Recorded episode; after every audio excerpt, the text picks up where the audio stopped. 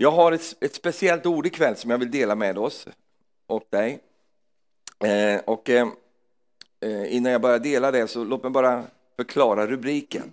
Jag ska tala om de här två kontrahenterna, alltså de här två motsättningarna som är eh, så märkliga i våra liv för att de verkar ske nästan samtidigt.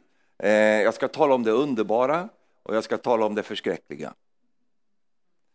Och eh, eh Visst är det så ibland att du är med om det här i livet. Det finns saker som är så underbart och du gläder över dig och samtidigt så sker det saker som är förskräckligt och du tänker varför sker det här? Jag har varit med om det själv. Jag har varit med om det un underbara, det ljuvliga.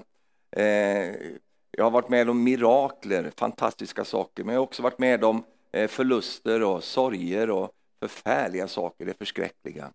Och, och, och, man undrar ibland varför saker sker. Va? Visst gör du det? Jag gör det också. Man har inte svaren på det. Eh, och man, man funderar, var, var, varför händer det där? Eh, jag tänker på min fru Marie som eh, blev, blev eh, först så blev hon så förfärligt sjuk eh, och, och, var ju väldigt nära döden. Och Gud reser upp henne och helar henne och botar henne. Det här är ju 97 hände detta. Så det är många år sedan och hon är strålande frisk idag. Hon är nästan för frisk alltså. Kära någon alltså. Jag önskar att hon var lite mer tröttare så jag fick sova lite längre och så nej, hon är superfrisk. Eh, och så, va. Hon hade ju en galopperande kräft som hon fick va. Eh, som gjorde att det, det, det, växte så mycket tumörer i henne så det växte sönder organen och allt detta och det var ju en förfärlig dramatik runt det. Va? Eh, och, och, Gud reser upp henne och jag kan inte påstå att jag... Jo, visst bad jag, men jag var så ledsen. Vet du. Jag var så satt på undantag så att jag... jag, tyck, jag om jag ska rekapitulera, jag var inte något speciellt att jag höll på att be och ropa till Gud så mycket, utan jag var så ledsen för jag tänkte att hon dör, va? hon kommer att försvinna ifrån oss. Eh, och så, ursäkta mig, men det var så. Eh, och, jag, jag, jag, och så. Men det var ju andra som bad och, och Gud bara reser upp henne. Det underbara hände. Och du säger, men vad, vad, har, du för, har du för formel här nu? Hur ska du, vad, vad, kan du ge oss några fem steg till det underbara? Nej, det har inga steg att ge alls. Va? Jag, jag förstår det inte heller. För att, som jag sa, det var inte, det var inte, för allt var så dramatiskt. Det skedde bara på några veckor. Eh, och en sak hände som, som jag kan eh, säga, som Gud talade till mig. Jag var nere i Paris och hade mötenserie där jag hade möten en hel vecka i Paris. Eh, och eh, och så går jag ut på gatan där, det var ju kul att gå ut på stan lite där mellan mötena. Paris. Vad heter han, Champs-Élysées, man går omkring där. Den löjliga franskan. Chalamour. Ehm, alltså jag gick omkring där liksom, och man, väldigt god mat där. Och, och, och, väldigt gott kaffe, jättegott kaffe. Så jag, var, var, jag kostade mig där, det var jättetrevligt. Jag längtade ju hem till Marie, men, men det gör jag ju jämt, så det, det var inget nytt. Ehm, så, så gick jag där och fikade och snackade. Och helt plötsligt talade en helig ande till mig och sa Stefan, du måste åka hem. För din, din eh, Marie är dödssjuk. Du måste åka hem. Åk hem nu. Så jag var tvungen att avbryta den här. Eh, det var en stor menighet. Va? Eh, och så jag sa jag, jag måste åka hem för att min fru är sjuk. Jaha, vet du, vet du det? Jag bara vet det. För Marie var inte sjuk. Hon, var, hon hade inte ont eller någonting sånt där. Så jag sa till Marie och ringde till henne och sa ja, eh, Marie, vi måste inte sjukhuset för du är dålig. Nej, hon gillar inte sjukhuset. Så att, eh, nu jobbar hon ju i vården. men hon, gillar, hon gillar inte det där. Det är så mycket sjukt där. Så, så, så, hon vill inte åka in. Jo, det ska vi visst. Jag kommer hem nu så åker vi in då. Och så kom vi in då. Det hör till saken att vi trodde att hon var gravid. Va? Vi såg fram emot det, att, skulle, att vi skulle få en, ett, eh, ett, barn till. Vi hade planerat det och så, va? så det var ingen hoppsan svejsan. Utan det var, det var planlagt. Och så, så vi ville och så. Så hon hade ju en ganska stor mage. Va? Så vi trodde det var med det att göra. Då. Så kom vi in då på sjukhuset och då så eh, tittade de på henne och då såg de ju direkt att det här är inte bra. Och då visade det sig att den där magen, det var ju tumörerna. Va? Så det var ju inte alls någon bebis där inne. Eh, och, eh, och då så tappade de henne på vatten. De tappade ur 20 liter vatten först.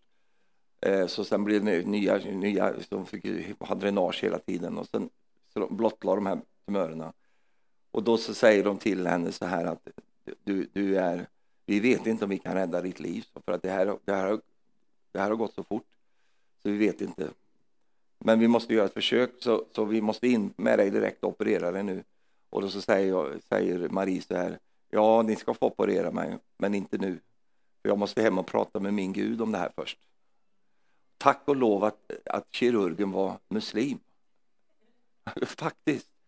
För i Uppsala där vi bodde då, där var det så mycket riktiga råateister va? som inte trodde på Gud och hatade Gud och hatade det jag stod för och, och, så, och, och, och det Marie stod för. Så, men den här muslimska kirurgen, hon fattade ju direkt. Va? Så hon sa, ja, det förstår jag att du vill göra. Åk du hem och tala med din Gud och så kommer du tillbaka här eh, och sen så ska vi eh, göra ingrepp på dig. Så då åkte vi hem där och jag har ju berättat det många gånger. Jag vet inte egentligen varför jag berättar allt, men jag gör det nu. Nu är jag mitt inne i det. Så. Eller jag slutar nu, vi, vi tar något annat här. Ja. Okej okay, då, vi fortsätter då. Så åkte vi hem och du vet att då hade jag tappat allt där. Va? Ursäkta, men jag, jag, jag, jag, gjorde det. Jag tappade allting när jag hörde vad den läkaren sa och allt det. Så jag, jag blev så deppig, vet du. jag bara sjönk rätt ner i källan eh, känslomässigt. Vi gubbar, vi känner igen oss lite i sånt här. Vi kan vara ganska starka så, men när, när, när fruarna blir dåliga så det är inte mycket med oss alltså. Eller hur? Ja. Alltså vi, vi, vi, jag vet inte vad det är med oss. Alltså vi, vi, vi, är så, vi är ganska bräckliga vi gubbar alltså. Men vi har gott om pengar. Nej, nej, nej. nej. Så då i alla fall så blev hon, eh, och, och vet, med Marie va, så hon, hon, hon, hon reagerade annorlunda så hon sa, vi åker förbi musikaffären Stefan när vi åker hem. Så. Det hade hon aldrig gjort förut, aldrig. Hon spelar ju inget instrument eller något sånt där. Va? Så jag tänkte då med så här, hon har blivit nej, nej, nej, nej, nej. Hon har flippat ur här nu va. Så då blev jag ännu mer ledsen va. Inte nog än sjuk, hon är galen också va. Så, så, men jag bara tänkte, jag, jag vill inte, inte nej, vi, vi gör så. Va? Vi, vi, Okej, fint. Vad vill du ha för något? Jag köper vad som helst. Va? Bara du. Så, så, jag, vill, jag vill in här. Så. Du kan bara vänta på ut. Så kom, gick hon in, så kom hon ut, det gick fort. Kom hon ut, då hade hon köpt en tamburin. Och sen hade hon den, nu blir jag lite berörd själv av det här, men då hade hon den där tamburinen, vet du. Så, så satte hon i, i, bilen, så åkte vi hem. Och sen så fort vi kom innanför dörren så sätter hon på massa lovsång vet du, och massa grejer och håller på. Och, och, och börjar med den där tamburinen och rasslar med den där. Va? De, har du stått jämte en tamburin när de sätter igång? Va? Det är ju, in, det, det, är ju så, fy vad det låter. Va? Men jag sa ingenting, jag var bara så deppig, jag gick och la mig. Men hon rasslade runt där med sin tamburin och dansade och sjöng lovsånger och, och grät vet du, och sjöng och grät. Alltså jag tänkte hon håller på, hon, hon lyfter bort ifrån mig. Alltså hon, hon, hon, hon blir tokig helt enkelt.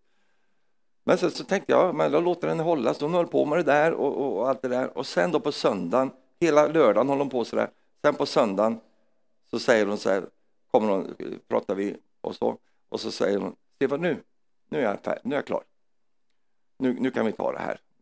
Och så, så åker vi ut till sjukhuset och, och sen då gör de en operation och de, de går in och de opererar bort alla tumörer. De hade fem stora tumörer. Den största var som en handboll. Va? Eh, så det var, det, det, var inte, det var fullt överallt. Och, så, men, och läkaren, det var ju den här läkaren, hon, hon var ju uppfostrad under shahen av Irans tid. Väldigt skicklig kirurg. Så hon gjorde allt detta. Och sen så, så ja, kommer nu ut ur det här operationsbåset och sen säger hon den här doktorn till oss att ja, nu har jag gjort vad jag kan. Så. Nu har jag skurit bort allt det här, det är det jag kan. Så. Men jag kan ju inte ta bort cancern. Det går inte, för tumörerna är ju inte cancern. De skapar cancer. Och det vet jag ingenting om, om, om jag har fått bort det, men jag har gjort vad jag kan. Så, så säger hon, den här muslimska damen, och nu måste vi be till vår Gud. Så. För han kan få göra resten. Så hon skickade hem oss med det där och så vidare. Och, och för att göra en lång historia kort då, så vet vi vad som hände. Marie stod upp. Hon, hon blev fullständigt återställd, har inga men överhuvudtaget av det här, utan fullständigt frisk. Hon tog inga cellgifter, ingenting, utan, för det ville hon inte ha. Eh, och, och, så. Och det gick hur bra som helst. Och jag har ju massor av berättelser där det har gått åt andra hållet. Men, men vi, fick, vi fick det underbara hos oss. Och det är jag väldigt glad för. Men vi hade en dotter. Och du vet att jag bad inte så jättemycket när det gällde Marie och de sakerna. Jag var inte så mycket. Men vår dotter som är dålig och blir sjuk, Jag, jag, jag har aldrig bett så mycket i hela mitt liv. Aldrig i hela mitt liv. Jag fastade 40 dagar för att hon skulle bli frisk. Eh, och, och kämpa, gjorde allt i boken. Alltså, jag, precis allt man kunde komma på. Tänk om någon kom med ett tips, ja, då tog jag det. Och så, jag gjorde allt tänkbart. Vi hade bönekedjor, vi hade allt möjligt för vår flicka och, och allt detta. Eh, och Marie och jag stod i tro och, och alltihop. Men, men hon dog. Så det underbara vet jag någonting om, men jag vet också någonting om det förskräckliga. Det hände i samma familj. Och eh, för, för min del så, så eh, nu är ju detta eh, ganska, vår dotter dog 2005 och hon var bara 25 år gammal och, och det var så förfärligt, det var så, åh, du kan tänka dig in i det själv. Slog ju sönder hela familjen på det sättet och, och, och sånt lidande för oss alla och syskonen och allt sånt där. Så då upplevde vi det förskräckliga också. Och du säger Stefan, men, men varför sker sådana här saker? Ja, om jag hade ett svar så skulle jag ge det till dig. Men, men, men det, det händer ju och alla av oss vet detta. Men vad jag vill ge till dig ikväll och till oss alla, fortsätt att tro på Gud. Ändå. För att det är så att vi vet inte allting. Vi vet inte varför en del blir helade, andra blir inte helade. Vi, vi, vi, har inte det svaret. Jag önskar jag kunde ha det svaret, men vi har inte det svaret. Men vet du vad? En dag får du alla svaren. En dag får du alla svaren. Oj, vad jag hade frågetecken runt omkring vår dotter Sandra när hon lämnade oss. Jag, jag, var, jag var så i det här. Varför sker detta? Jag har ju verkligen kämpat för det här. Jag, jag har ju bett så mycket för det och så sker det inte. Och Marie bad jag knappt ingenting. Va? Och hon blir frisk. Man kan tänka det är inte rättvist. Och Marie sa, jag hade mycket hellre, jag hade mycket hellre dött än att se vår, vår dotter dö på det sättet. Ja, det underbara och det förskräckliga. Och de här sakerna, vänner, du har säkert samma saker i ditt liv. Saker som kan ha hänt i ditt liv och du undrar varför händer det? Varför blev det på det sättet? Och, och, och man, man, man, letar efter ett svar, men man hittar inget bra svar. Eh, och, och, och, och, gör inte om Gud bara för att omständigheterna är som de är. En sak som vi människor gärna gör som är ett problem, vi sätter mänskliga egenskaper på Gud. Men Guds ord säger att Gud är inte en människa. Och, och vi kan fullt ut aldrig förstå honom fullt ut. En dag kommer vi göra det. Men vi kommer inte kunna göra det om vi tänker att Gud liksom är som oss människor. Han har skapat människor, och, och, och, men vi är inte på det sättet gudar. Och Gud är heller inte människa, det säger Biliam. Gud är inte människa, så att han kan ljuga eller så att han kan ångra sig. Och, och därför så är det så viktigt för oss att, att eh, i de här lägena så, där vi inte vet, där vi inte känner till, där vi inte, alltså jag tänker så här så många gånger på vår dotter, hon har ett, hade ett eget liv. Du vet, det finns de som har fått sätta in i evigheten. Det är nästan omöjligt att få tillbaka dem. Om de väl har sett vad, vad som väntar dem så väljer de hellre det än att, än att vara kvar och lida här. För allting här på jorden är ett lidande i jämförelse, i sammanliknande med hur det är i himmelen. Och, och vi vet inte allt det där. Och, och, och så säger du så här, ja men jag vill veta. Men då har jag ett tips till oss alla här idag. Om du frågar och frågar och frågar och du får inget svar, då måste du sluta fred med det. Och säga till dig själv, det finns svar som, frågor som du inte får svar på och det finns en orsak till varför du inte får svar på dem. Eh, därför att Gud kanske undanhåller dig ett svar för du skulle inte klara av det. Eh, eller också är det för att du har inte med det att göra. Och då får man bara bestämma sig, okej, okay, jag har ett sånt rum i min själ. Och det rummet står så här, frågor som jag inte fått svar på. Det, står det på den dörren där. Och då slänger jag in de frågorna där. För en dag så ska jag sitta ner med min Jesus. Som jag har vandrat med genom mitt liv. Jag ska sitta ner med honom och så ska jag lyfta fram de här frågorna och säga Jesus, kan du svara på det här nu? Och då vet jag att jag kommer att få svar. Amen. Vad gör du under tiden då, Stefan? Jag lever med en tro på att Gud är god. Jag lever med en tro på att Gud botar och Gud helar och att Guds löften för evigt står fast. Även om jag ser att allt, det händer inte jämt. Du ska veta det att Guds vilja sker inte alltid på jorden.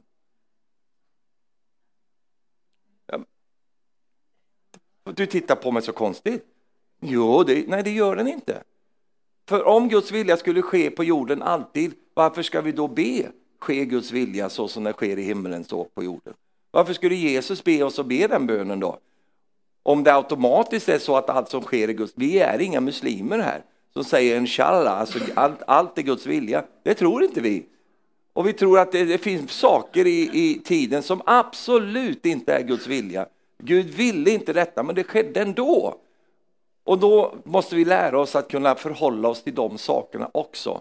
Och gör vi det så får själen frid, så får själen ro.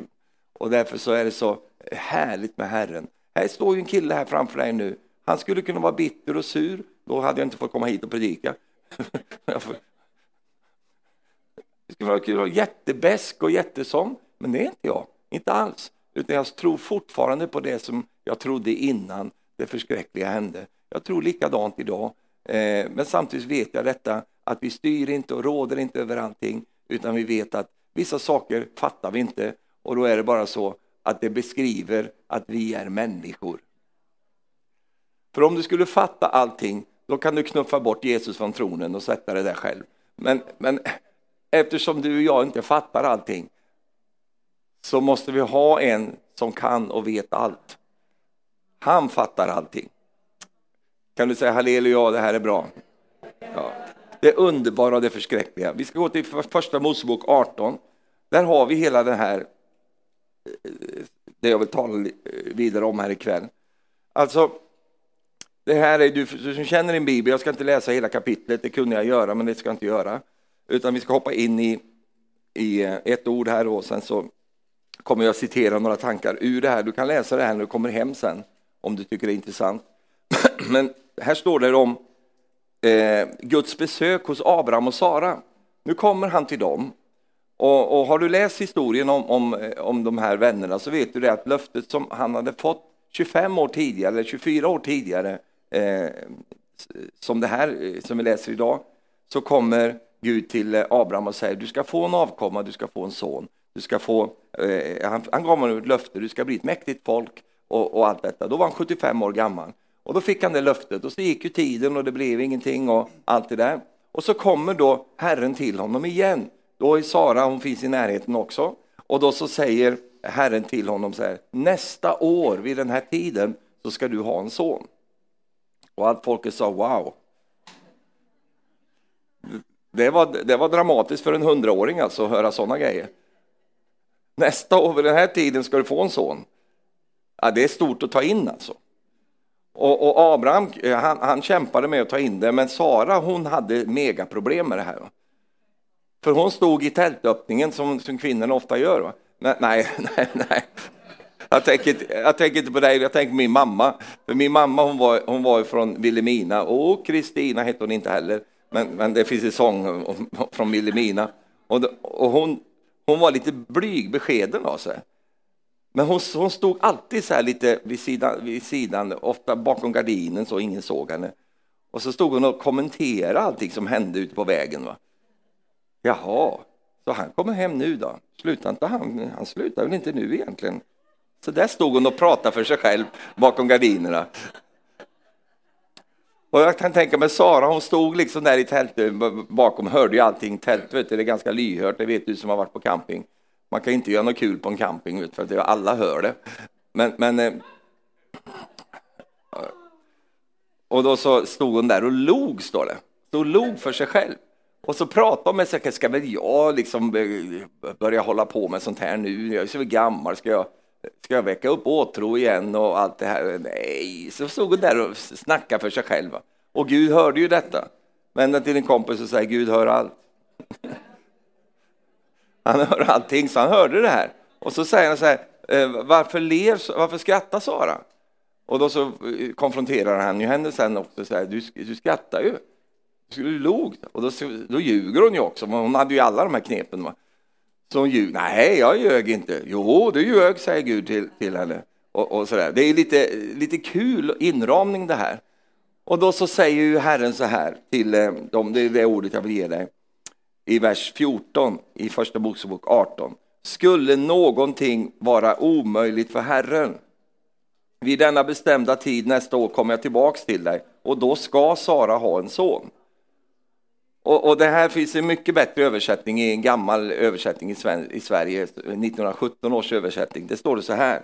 Skulle något vara så underbart att Gud inte förmår det? Och jag älskar den översättningen just på det här ordet. Alltså, skulle det vara, för du kan tänka dig själva, de, de längtar, alltså det är det mest underbara som någonsin kunde hända dem.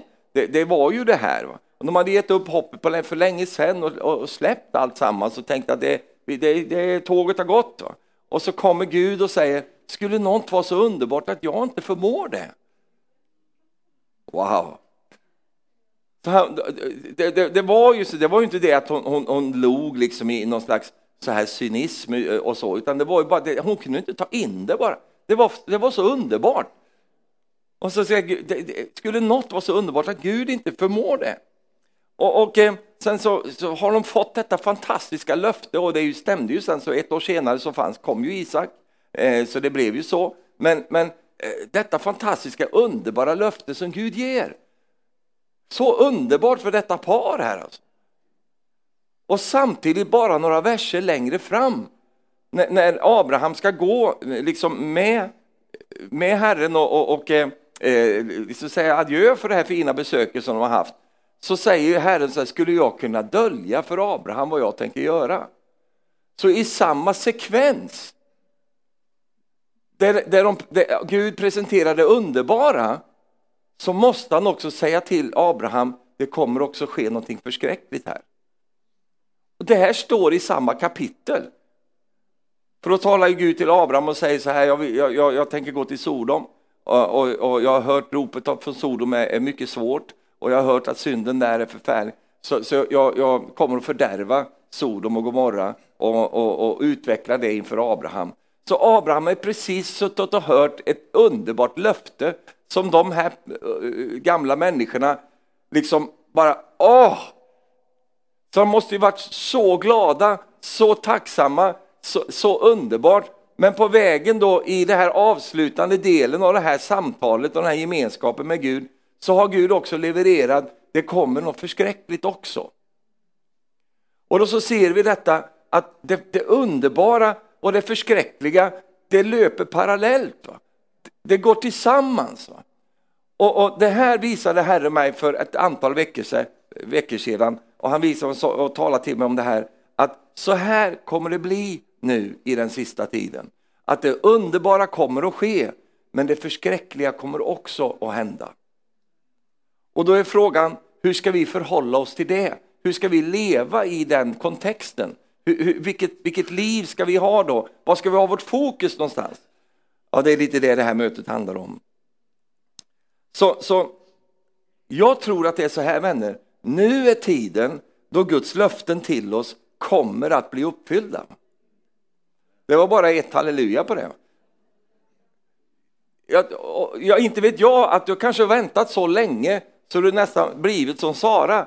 Så du tänker nej, det, det är liksom, du, du, du, du, du är fortsatt kristen och allt det här, men, men du har tappat just kanske det. Jag vet inte. Det är ju lätt att göra när tiden går och det, vi får vänta länge och då kan man uppleva det där. Men, men, låt mig få uppmuntra dig då och säga, jag tror att det är så att Guds löften till oss som individer, som personer, som Guds menighet kommer att bli uppfyllda. Jag sa de kommer att bli uppfyllda. Amen. Det är en sån tid nu.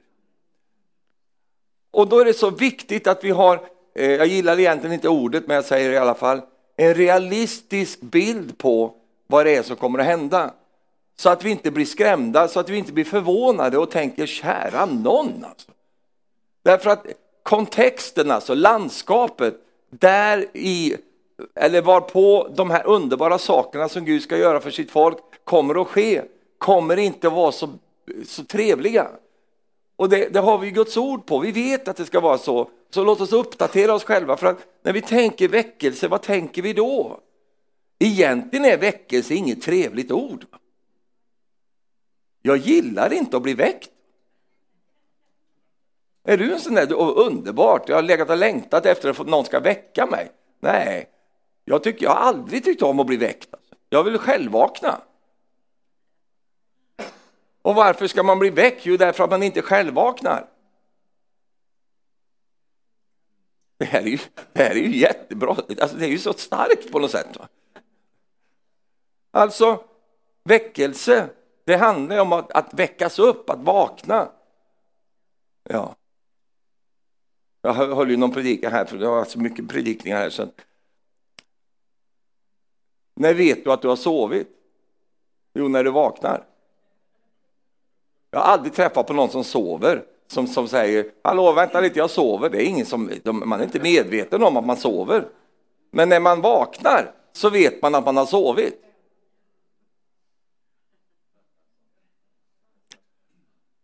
Gud vet om vi sover eller inte. Och därför så kommer han ju med sin väckelse och väcker upp. Och den börjar ju alltid hos Guds folk. Det är Guds folk som behöver väckas upp. Till insikt om vem man är och till alla de här sakerna. Så väckelse i sitt, i, sitt, i sitt ord är ju egentligen ganska utmanande. Men, men, men, ibland har vi lagt in så mycket tankar i det här med väckelse till exempel att när vi väcker så blir allting så fint och allt blir så bra. Alla blir snälla då helt plötsligt. Åh, det väckes i bygden, alla blir glada och snälla. Vad har, vad, vad har, du, var har vi fått det ifrån? Jag, jag, tror att när väckelsen bryter lös det kommer bli förfärligt. Alltså det kommer bli såna, alltså, det kommer komma upp så mycket grejer i människors liv så du tänker kära någon, jag trodde jag kände dig. Vad kom det ur dig nu? Ja, det är väckelsetider. Du vet, en som, en som sover gör ju inte så mycket väsen av sig. Men om du väcker upp någon som vill sova, mm, då kan du få reaktioner alltså. Så jag tror att tiden är inne nu att Guds löften ska bli uppfyllda. Du säger varför har de inte blivit uppfyllda förut då? Nej men tiden har inte varit inne. Den har varit ute.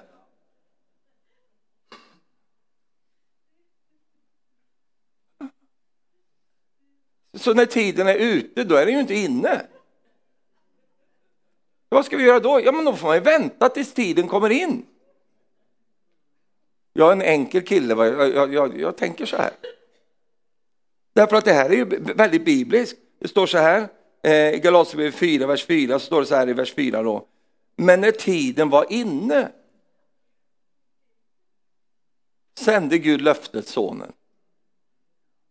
Varför sände han honom inte innan? Behövdes inte Jesus innan där? Jo, det är klart han behövdes. Men tiden var ju ute. Den var ju inte inne.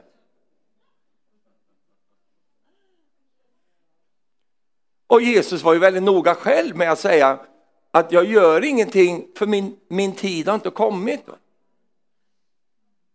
Och, och är det någonstans som vi får problem och vi missar många gånger, det är just precis det här som jag talar om att vi missar det här. Alltså löftet står där, men tiden måste vara inne också. Varför kom Gud och talade till Abraham att nästa år ska du få din son? Därför att nu är tiden inne för att löftet ska gå i uppfyllelse. Varför kom Jesus när han kom? Jo, därför att tiden var inne för honom att komma då.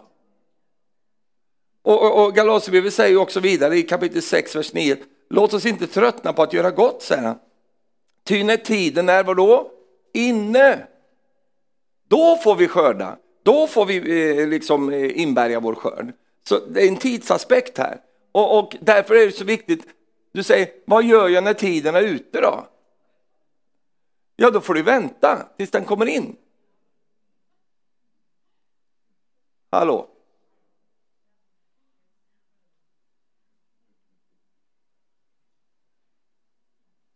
Är det någonting som vi karismatiker har problem med så är det att vänta. För vi vill ha det inst instant. Omedelbar, pang, det ska ske nu. Och sker det inte nu så är det något fel. Oftast på Gud. Varför skedde det inte nu för? Jag behöver ju det. Det kunde ju Abraham ha sagt hur, länge, hur många år som helst. Va? Det är ju inte direkt så att han var väldigt fertil av sig, gubben. Och Sara var ju inte bättre hon, det här kan jag breda ut, jag är väldigt frestad att breda, breda ut det här. Alltså. Det fanns ju ingenting som var attraktivt med Sara, hon var ju nästan hundra år. Va? Hon hade inte en tand kvar i munnen. Alltså. Allt hängde ner.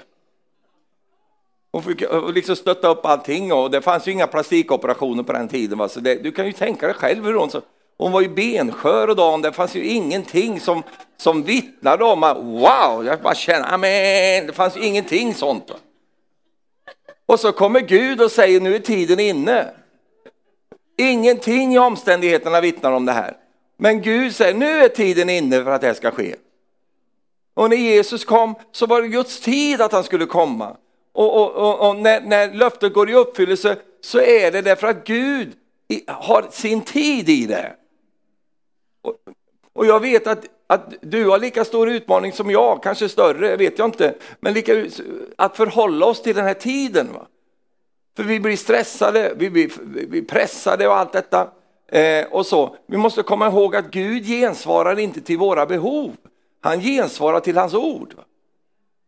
Bara för att jag har ett behov betyder inte att Gud ska möta mig, utan det är för att hans, hans löften gäller mig. Och, och, Gud har sin tidsagenda och vi får bara finna oss i det. Va?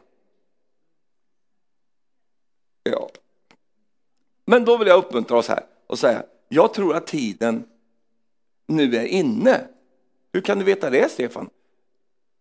Jag bara vet det. Du kan läsa de profetiska skrifterna så ser du att nu närmar sig tiden. Nu är det inte långt kvar förrän det eh, som, vi, som vi ser i de profetiska orden. Och då vet vi också att de löftena som Gud har gett till oss, att de ska då gå i uppfyllelse. Tiden är inne. Halleluja, amen. Men då är det viktigt att förstå att samtidigt då som Guds löften börjar gå i uppfyllelse för dig och för mig och för Guds folk så, så måste vi förstå att samtidigt kommer det vara tuffa tider. Och det är väl här ibland vi inte får ihop matematiken och ekvationen går inte riktigt ihop. Men, men eh, därför måste vi förhålla oss till Guds ord och de skeenden som är. Och då så, eh, bara till exempel här i Markus 10, vers 28, där Jesus talar om eh, när man har lämnat allt och följt honom. Och Petrus säger så här, ja vi har lämnat allt och följt dig. Och Jesus säger, Amen säger er, ingen lämnar hus, bröder, systrar, mor eller far eller barn eller åkrar för min och evangeliets skull utan att få hundrafalt igen. Här i världen får de hus, bröder, systrar, mödrar, barn och åkrar. Ah, inte i himlen alltså, här i världen får de det här. Hundrafalt. Woo! Säg efter mig, kamsi, kamsi, kamsi. Hundrafaldig skörd. Va? För att vi har gett upp någonting för Jesus sak. Och vi har, vi har sagt Jesus, jag väljer att följa dig. Det kostade mig nu att jag blev av med kompisar och vänner och allt möjligt. Jag blir ställd utanför och så. Men du har gjort det för evangeliets skull och för Jesus skull. Och då säger Jesus, ingen finns som gör det som inte redan i den här tiden ska få tillbaka hundrafalt. Jag menar, det är ju jättemycket. Du blev av med ett hus. Hur många får du tillbaks då? Hundra hus. Och då är det ju alltid någon sån här, eh, hålla på att säga halvsocialist, men det finns ju inga här, halleluja. Så säger jag behöver inte hundra hus. Vad du behöver, det spelar ingen roll. Gud bara kommer välla ner med sin välsignelse över dig. Därför att det är sån han är, hundrafalt. Amen. Men så står det så här vidare, mitt under förföljelse. Så när kommer detta ske då? Ja, inte när allt är frid och fröjd och allt ser bra ut och fint, utan mitt under förföljelse så ska Herren ge tillbaka och Herren ska ge skörd eh, och i den tillkommande eh, tidsåldern evigt liv. Halleluja. Det är viktigt att fatta det, att kontexten, landskapet kommer att vara på ett visst sätt. Vare sig vi tycker om det eller inte. Låt mig få upplysa dig, det kommer inte bli något bättre där ute. Det kommer inte, åh, vi går mot bättre tider. Nej, vi går mot sämre tider. Svåra tider talar Paulus om. Och när han talar om svåra tider så gör han det i, eh, till Timoteus. Han talar till honom i kapitel 3, vers 1. Han säger så här, du ska veta, säger han, att i de sista dagarna så ska det komma svåra tider, vanskliga tider. Och då, och då så talar han i, i, i vers 2, då kommer människorna att älska sig själva vara penningkära, skrytsamma, stolta, hånfulla, olydiga mot sina föräldrar, otacksamma, gudlösa, kärlekslösa, oförsonliga, skvalleraktiga, obehärskade, råa, fientliga mot det goda, falska, egensinniga och högmodiga. De ska älska njutning istället för Gud och ha ett sken av Guds fruktan men förneka dess kraft. Håll dig borta från dem, säger han till Timoteus här. Alltså han beskriver ju hur ska landskapet se ut här framöver. Det här, det här är ju, du kan ju bara titta in hur det är i världen idag. Allt det här är ju här, fullt utav. Och i den kontexten ska Gud göra det underbara för dig och för mig som följer honom. Det här vänner kommer vi inte kunna förändra. Det kommer bara fortsätta, det kommer bli än mer, det kommer bli förfärligt. Jesus säger ju själv kärleken så som flesta ska kallna. Vad blir det för klimat att leva i det? Det är ju så populärt att prata om klimatet. Jag håller på att ladda upp en hel predikan om det här med klimatet. Och jag hoppas jag får komma in och prata om en sån här klimatkonferens någon gång. Då ska jag tala om den verkliga klimatkrisen som vi har i, i, i Sverige och Norge. Det är inte det väderklimatet utan det är människoklimatet. Hur, hur, hur klimatet kommer att utveckla sig i människan. Hur ondskapen och mörker kommer att komma upp i människor. Hur fina och välutbildade de än är så kommer det vara sån råhet och sån otäck atmosfär och så kärlekslöst och kallt. Man kommer förråda sina närmaste. Man kommer att, att hänga ut sina närmaste. Eh, och, och man kommer, det kommer verkligen vara svåra tider. Stefan, skräm inte mig på det här sättet. Jag skrämmer inte dig, du ser ju inte skrämd ut ens. Utan det är så viktigt att, att ha den förståelsen så att jag fattar det, att när det här börjar rulla fram så att jag förstår att det förskräckliga och det underbara, det går parallellt med varandra. Och, och, det, och det, det är så det fungerar. Vi ser det redan. Så, så vad blir då vårt fokus här då? Jo, vårt fokus ska ju vara det underbara. Det ska ju vara Guds löften. Vad säger Gud till mig i den här tiden? Vad vill Gud för någonting? Och, och följa honom och ta ner de löftena som han... Där ska ju vårt liv och vårt fokus vara. Samtidigt så behöver vi vara medvetna om det som pågår runt omkring oss. Vi måste ha en bevissthet där så vi fattar det, så vi inte blir förvånade eller förvirrade eller undrar vad det är som händer, utan förstår att detta är vad som kommer att utveckla sig nu och det kommer att gå med en rasande fart framöver här. Och därför så är det bara så underbart att veta det, att vi har en profetisk vägkarta. Kan du visa mig den kartan, Stefan? Jo, jag ska visa dig den här nu till slut ikväll. Vi har en profetisk vägkarta och den kallas för psalm 91. Det är den vägkartan som vi följer i den här tiden. Och det är en så underbar eh, liksom, profetisk eh, eh, beskrivning både i tiden och hur vi ska förhålla oss till den. Och eh, bara för det, det, det, som jag sa innan här, att vi behöver vara medvetna om vad som händer. Och det står ju så här i Daniels bok kapitel 11 så står det att de som har kränkt förbundet ska han, alltså det är djävulen, med sina smickrande ord locka till avfall. Men de av folket som känner sin Gud, de ska stå fasta och de ska hålla ut.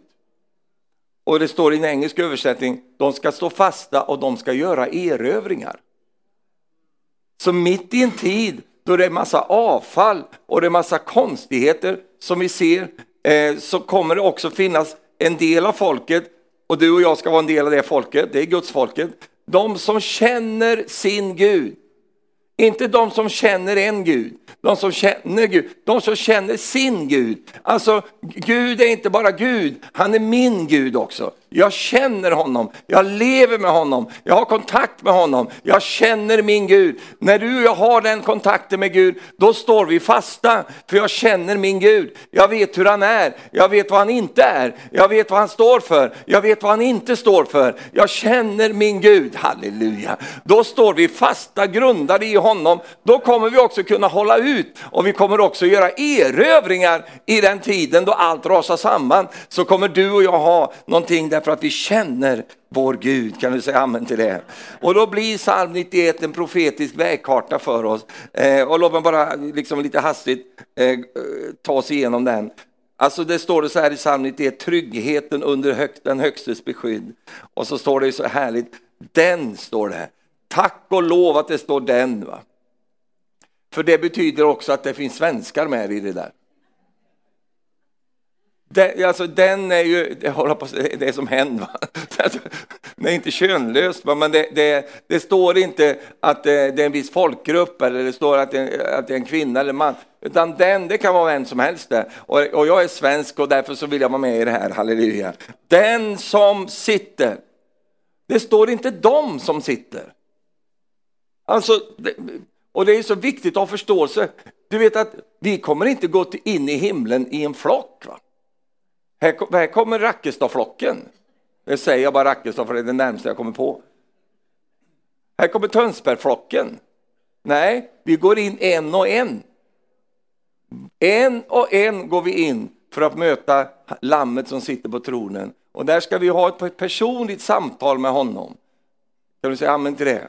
Ja, vi ska möta honom öga mot öga personligen och, och, vi ska då få igen vad vi har gjort här i livet, säger Paulus, gott och ont och vi ska få våra belöningar och allt det där.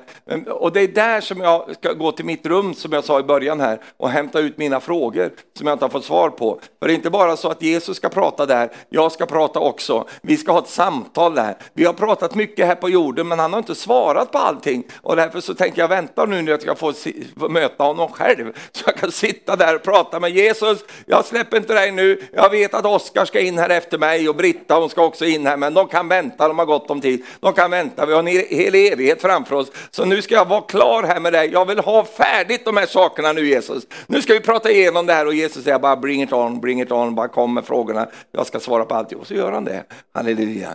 Det är personligt. Amen. Kan du säga amen till det? Den som sitter under den högsta, om din mamma sitter där betyder det inte att du sitter där automatiskt. Kan du hjälpa mig lite grann nu då? Om, om liksom någon som du associerar dig själv med. Det står inte att kyrkan, utan det står att den som sitter där under den högstes beskydd och vilar under den allsmäktige skugga. Och så kommer det här så härligt, han säger. Alltså han är inte tyst när han sitter där, utan han säger någonting. Och vad säger han för någonting då? Jo, han säger så här, i Herren har jag min tillflykt och min borg min Gud som jag förtröstar på. Det säger han när han sitter där. Han säger ju alltså det till Gud. Va? Vet du att Gud vill gärna höra dig säga vem du har din förtröstan till. Han vill gärna höra dig säga det, säga det till honom. I Herren har jag min förtröstan. Min borg, mitt beskydd. Herre, du är det för mig. Du talar till honom och du säger det till honom. Amen. Och så kommer det detta underbara, han ska rädda dig från fågelfängarens snara, från den förödande pesten. Med sina fjädrar ska han övertäcka dig och hans vingar ska du finna tillflykt. Hans trofasthet är sköld och skärm. Du skall inte frukta nattens fasor, inte pilen som flyger om dagen, inte pesten som går fram i mörkret, farsoten som härjar vid middagens ljus. Om en tusen faller vid din sida, och tiotusen vid din högra, så skall det inte drabba dig. Med egna ögon ska du få se hur de ogudaktiga får sitt straff. Ty, ty, och så kommer det igen i vers 9. Ty du har vadå? Du har sagt att Herren är ditt skydd. Du har gjort den högste till din tillflykt. Ingen olycka ska drabba dig, ingen plåga ska närma sig din hydda. Han ska ge sina änglar befallning om dig och bevara dig på alla dina vägar. Ska bära dig på händerna så att du inte stöter din fot mot någon sten. Över lejon och huggormar, det är demoner, ska du gå fram. Du ska trampa ner unga lejon och drakar. Han håller mig kär och jag ska befria honom. Jag ska beskydda honom, ty han känner mitt namn. Han ropar till mig och jag svarar honom, jag är med honom i nöden, jag ska rädda honom och ge honom ära. Jag ska mätta honom ett långt liv och låta honom se min frälsning. Halleluja, amen. Tack Jesus. Håll dig i det här. Och nu vet jag att ibland är vi förvirrade för tänk, det blev inget långt liv, det blev inget det, det blev inget det. Nej, men, men håll ändå till det här. Håll det ändå. Jag har en dotter, hon fick inget långt liv, men jag läser det här i alla fall. Jag håller mig fast vid det här i alla fall. Och en gång ska jag snacka med Gud om det. Houston, we have a problem. alltså, en gång ska jag ta upp det här. Så. Inte i någon bitter ton eller något sånt där, utan jag har, jag har missat någonting kanske. Eh, ja, ja. Men, men vi fortsätter ändå hålla fast vid de här löftena. Då blir det en profetisk vägkarta för oss som vi kan följa i en väldigt besvärlig och märklig tid som vi lever i. Och, och eh, så, som är så full av alla möjliga grejer. Och då får vi vandra i ljuset av de här orden och så får vi bara hålla oss till detta. Halleluja. Det kommer att komma tider vänner, där det enda du har som en fast punkt är Gud själv. För det står i Guds ord att allt som kan skaka kommer att skaka. Allt sammans, det kommer, allt som kan skaka kommer att skaka. Men det finns en plats som inte kan skaka. Halleluja. Och det är Guds namn, det är Gud den högste. Han kan inte skaka. Och vet du vad? Och hans menighet kommer att växa upp i en sån styrka så den kommer att stå så fast och så trygg Därför att där känner vi vår Gud. Amen. Och där har vi gjort oss av med alla avgudarna, vi gjort oss av med alla stöttepelarna som vi har satt upp och vi gjort oss av med allt sånt där världsligt. Och det är det som är så bra med förföljelse, det är att man kastar ut all barlast och han slänger bort sånt där som inte har någon, har någon värde och så, så behåller man det som betyder någonting. Därför är det ganska bra att det blir lite tryck också, därför att då får jag möjlighet att verkligen eh, liksom konsolidera i mitt liv och verkligen stadfästa och rotfästa mitt liv i Kristus Jesus. Halleluja. Jag har aldrig mött en nervös Jesus. Har du? Har du mött en Jesus som sitter och biter på naglarna där uppe i himlen och, så, och, och, hur ska det gå? Va? Jag har mött en nervös mamma. Min mamma var så nervös ibland, vet du, och kära någon. Va? För hon tittade på hur vi pojkar levde. Jag har, jag har mött en nervös Stefan många gånger också, stressig och dan. Va? Men jag har aldrig i mitt liv mött en Jesus som är nervös. Va? Hur ska det gå med allting? Nej, han är fridsförsten, halleluja. Jag sa han är fridsförst. Han har ingen fruktan, han har ingen oro, han har inga undringar. Han är bara tryggheten själv, den är Jesus. Amen. Jag har mycket fruktan ibland, jag har mycket oro, jag kan alla möjliga saker. Men Jesus har inte det och därför så håller jag mig till honom. Han har gjort den högste till sitt skydd. Och det är där som vi har vår garanti för det här livet, halleluja. Så när det underbara kommer, mitt i en tid av det förskräckliga, så är du och jag mitt där, där vi ska vara i våra liv. Halleluja. Bli inte förvånad min vän, när det brakar och smäller runt omkring dig. Var inte förvånad, utan se det mer som en bekräftelse på att vi lever, som Arne brukar säga, i högprofetiska tider. Vi lever i sådana tider och, och det, det vi har varit med om till nu, det är ingenting mot vad som kommer längre fram. Du tänker att när corona tar slut och så, så blir det bra. Det kommer nya pester, det kommer nya grejer. Det kommer bara rulla in så här fullt upp. Men vet du vad? Halleluja. Ingen olycka ska komma nära din boning, ingen plåga ska nalkas dig. Varför, varför säger vi det? Därför att Guds ord säger det. Vi håller oss fast vid det, halleluja. Det kommer vara som förförelse, vet du. det kommer vara så mycket grejer och, och dina barn och dina barnbarn kommer vara så utsatta för allt det där och du tänker kära någon, hur ska de klara sig? Jag vet en som kommer att ordna så att de klarar sig. Amen. Tror du han kan, kommer att överlämna dem? Nej du, vi kommer att få se, nu, nu, nu är jag inne i profetiskt tal här, vi kommer att få se barnväckelser, vi kommer att få se ungdomsväckelser. Hur djävulen har trott att han har de här ungdomarna, han ska bara mata ner dem i allt det här, eh, propagandan och allt som är i vår tid. Men vet du vad, han kommer att bli så gruvligt besviken och skuffad. Varför då? Därför att Gud kommer att få det sista ordet och han kommer inte låta att en hel generation går förtappt och bara försvinner. Nej, nej, nej. Du vet, det finns en, en saga som du kanske har läst som handlar om den där flöjtblåsaren. Va? Nej, nej, nej du, du, läser inte sagor, du bara läser Bibel hela tiden. Läser ingen sån här. Men det, det finns en, en, en, saga om en man, det var så mycket råttor i stan. Va? Fruktansvärt mycket råttor. Så kom han och så spelade han eh, med flöjten. Och så fick han alla råttorna komma ut ur stan. Då. Så han tömde hela stan på, på råttor. Eh, och sen vet jag inte riktigt om de, han drog, dränkte dem på något sätt, sprang ner i havet eller så. Så de dränkte, halleluja. Han befriade hela stan från råttinvasion. Men då tackar de honom inte för det. Va? Det var ingen som var glad för det. De tackade honom inte, då blev han, då blev han lite sån. Va? Så då gick han tillbaks till, till stan och så började han spela på sin flöjt igen. Och då tog han alla barnen och alla ungdomarna. Och sen så spelade han dem, så då kom de och så, så tog, de, tog han in dem i klippan bakom där inne i berget. och sen försvann de. Nu vet du lite om vad hemskt. Nej, jag tycker det är underbart. För vi har en Jesus, han kommer att komma och spela och han kommer att ta alla dessa barn och ungdomar som djävulen trodde han hade och spela in dem i klippan. Vad är klippan? Det är i Kristus det. Han kommer att, och det är därför som Herren kommer att använda musik. Han kommer att använda det, inte för att de ska bli demonbesatta, utan för att de ska få uppleva Kristus. De ska dras in i klippan, halleluja. Och de, och, och de sekulariserade föräldrarna som har sålt sig själv till tidsanden, de kommer inte kunna göra någonting åt det. De som har liksom kört in i den unga generationen att de inte har något kön längre. Att de, de liksom får välja sitt kön, det finns att köpa på Tempo. De kan köpa ditt kön där så kan du hitta något bra där. Faktum de har tillbud på det nu. Väldigt mycket tillbud på manliga kön, köp dem där med billigare. Eh, sen kan du välja något eget också om du har djur eller något sånt där. Så du kan handla lite grann där.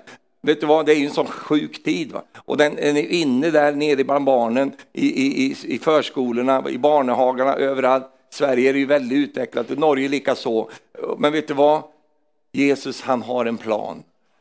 Och han kommer bara komma med sin ljuvliga musik och säga kom här lite grann istället, följ mig lite. Och så kommer han spela in dem i klippan, sig själv, och så kommer de bli räddade. Halleluja ja, jag, jag, vet inte, du kanske inte tycker att det här är bra, men jag tycker att det här är en superbra, halleluja. Jag tycker det här är så starkt, därför att vet du, vi har en Jesus som sitter på tronen och vi har en djävul som är avväpnad. All makt till, har Jesus tagit och han kommer att vinna hela det här slaget. Allt sammans kommer han, Jesus kommer att vinna allt sammans.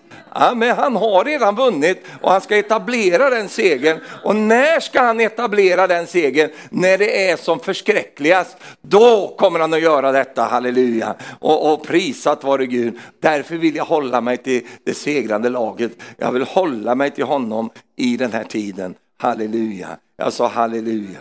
Jag sa halleluja två gånger. Amen.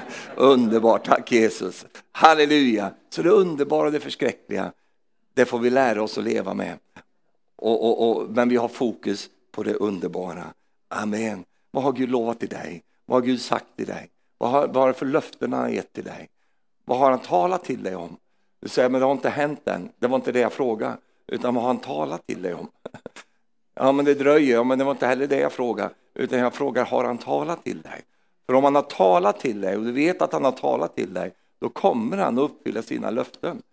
Stå då inte i, tält, i tältduken där och sitta och, och stå och skratta när han kommer och säger att det kommer nu nästa år här. Det kommer nu. Halleluja. Ja, oh, det har jag hört förut det där. Och det har Abraham tjatat med mig nu i 25 år. Men det händer ju ingenting, han är ju så seg. Va? Och så kommer Gud och säger, nästa år så har du det. Halleluja. Och då tänker jag så här, och jag ber till Gud att, att jag inte ska vara så som ramlar av pinnen precis då innan det ska ske. Va? Att jag får någon idiotisk idé att liksom, nej men jag släpper allt nu, nu, nu. Nu, nu går jag och pensionerar mig från Bibeln här. Jag tar en paus. Jag har varit pastor i flera församlingar och ibland så kom menighetsfolk och sa så här, ja vi, vi känner att vi ska ta en paus. Och då visste jag, ja hej då, jag kommer aldrig se dig mer. Och mycket riktigt, jag såg dem aldrig mer sen, för de skulle ha en paus. De skulle ha pauser från mötena, de skulle ha pauser från Bibeln, de skulle ha pauser från lovsång, de skulle ha pauser för vi ska finna oss själva här.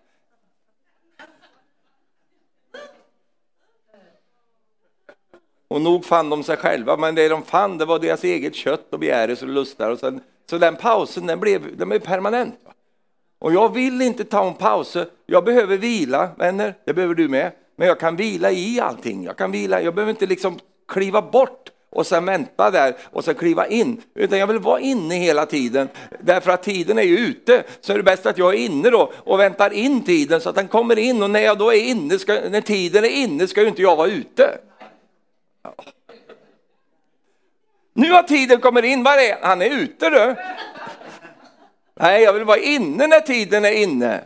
Amen. Och då vill jag vara där så att löftet kan gå i uppfyllelse. Halleluja. Jag sa halleluja. Amen. Prisat vare Gud. Jag sa prisat vare Gud.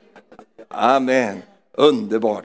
Du säger, ja, men det är ju löften, det är ju sådana som har gått hem till Herren, det blev ju ingenting. Ja, men vad då blev det ingenting. Det är som ungefär att tiden tar slut när man går in i evigheten. den tar ju inte slut. När du blir frälst, så, så, så, så, så de som tar emot honom, de får evigt liv. Så du har evigt liv, det betyder att du har evigt liv. Du vet, det är inte så att vi ska sitta uppe i himlen och dricka vin och röka cigarr hela tiden där. Det blir ju kedligt till slut. Och vi går på konserter, men Änglakören ska spela harpa ikväll. Det är ju jättemysigt ett par gånger, va? men jag har hört de där låtarna nu. Jag orkar inte gå på några konserter. Det är ju inte det att vi ska sitta där och gunga eh, gung, gingestol hela så. Jag, du har ju prövat det här på jorden. Det blir så kedligt efter ett tag. Så gunga, jag vill inte gunga med den här gungestol. Jag får ont i ryggen och sitta här och gunga. Nej, det är inte meningen. Det kan vi ju göra lite grann och vila upp oss lite, ha lite härligt, dricka lite vin och bli lite satt. Så där, allt du ville göra här på jorden, då, då får du göra det i himlen där. Och, kör dina grejer där uppe och allt det där. Men, men, men vet du vad? Vi är ju inte där för att vi ska sitta där och vila oss hela tiden. Vet du vad? Jag, jag, jag, jag, vill, jag vill göra saker. Vet du vad? Jag, jag vill vara med och, och när Herren ska sjösätta sitt enorma projekt som kallas en ny himmel och en ny jord. Halleluja! Där vill jag vara med. Amen! Stefan, vad har du för idé om det här? Hur vill du ha den här delen av det nya Sverige? Det Sverige som är, som, inte det där av, nej, jag vill ha liksom mer som en bulligt Sverige. Så jag vill, om du kan lägga ut lite där och kanske fixa lite eh, till Gotland och Öland och slipper vi åka båt där. Eller så, jag, jag orkar inte, jag ska ta en liten vindruva till, jag ska sitta där uppe. Nej, vet du vad? Det finns saker som Gud har talat till dig som tar hela evigheten och fullbordar. Amen. Därför mina älskade vänner så ska vi inte se himlen som ett eh, trussel. När man börjar prata om himlen ibland till människor, de är nej, nej. Himlen är ju, det är ju en belöning. Det är ju dit vi är på väg allihop. Ja, men hur ska det gå med min moped då?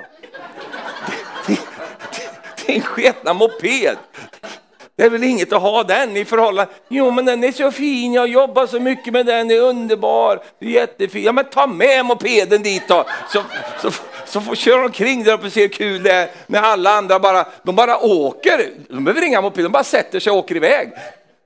De är ju obegränsade där uppe, så kommer du med din lilla löjliga Push Dakota och du ska sitta så här. Nej, nej, nej. Oh, det finns ingenting på den här jorden som kan sammanliknas med det som himlen kan erbjuda. Oh, halleluja! Amen. Och jag älskar för så, så social gemenskap. För vad då social gemenskap? Du får ju massor av. Alla de här släktingarna som har gått före dig. Det är fullt av dem. Du kommer bli så trött på dem där uppe. Så då, ska vi ha fest igen nu här? Igen, vi var ju där igår. Jajamän, vi tar den ikväll med. Det kommer bli så mycket av allt det här som du tycker att det är så viktigt att hålla i här nere på jorden.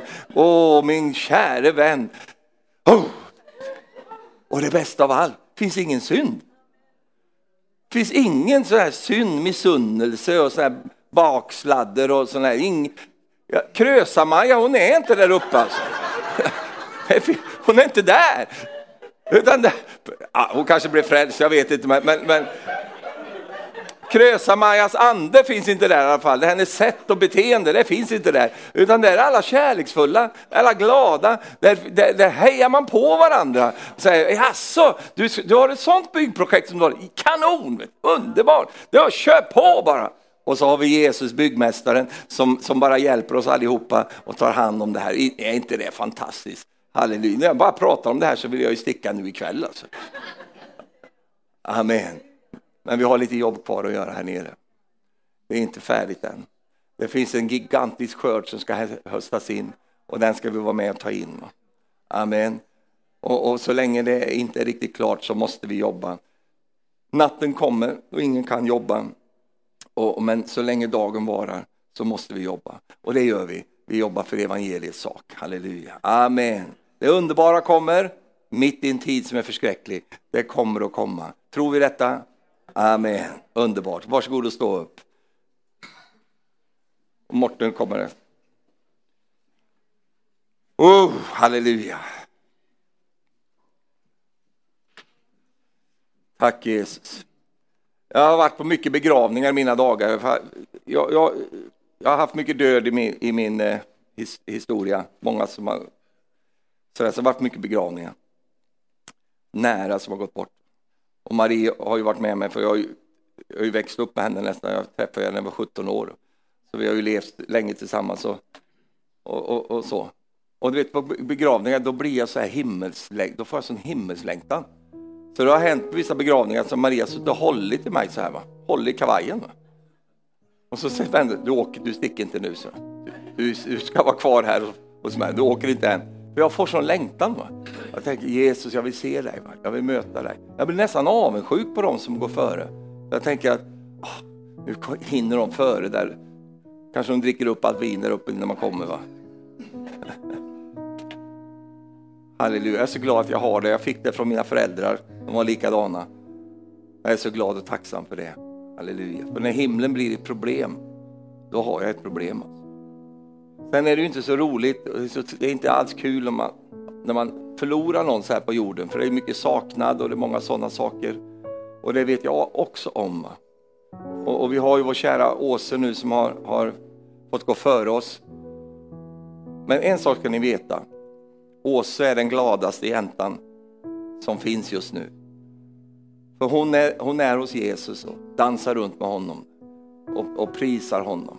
Halleluja. Det är vår tröst, det är, det, är vår, det, är vår, det är vi som är ledsna. Det är de som står nära som är ledsna och det är så förståeligt att det är så. Därför att döden, den är en onaturlig sak. Ingen människa är gjord för att dö. Döden kom in med, med, med syndafallet jag har inte tänkt att människan skulle dö. Vi, inte, vi, vi, har inte verktyg för att handskas med det riktigt. Det blir konstigt för oss. Men vet du vad? Halleluja. För de som har avsomnat i Herren, för dem som är kvar, där är, där är sorgen på ett annat sätt. Vi sörjer inte utan hopp, utan vi sörjer med hopp att vi ska få återses en dag. Halleluja. Jag vet att vår dotter är där uppe. Jag vet det. Jag vet det på många sätt som jag inte berättar nu. Men jag vet att hon är där. Halleluja. Och jag vet att de som har gått före mig, de är där uppe och väntar på mig. Tack Jesus. Men han som gick först före, han vill jag träffa först. Tack Jesus. Och jag vill träffa min pappa, men jag vill träffa Jesus först. Jag vill träffa min mamma, absolut. Men jag vill träffa Jesus först. Jag vill träffa Sandra, absolut. Men jag vill träffa Jesus först. Halleluja. Tack Jesus.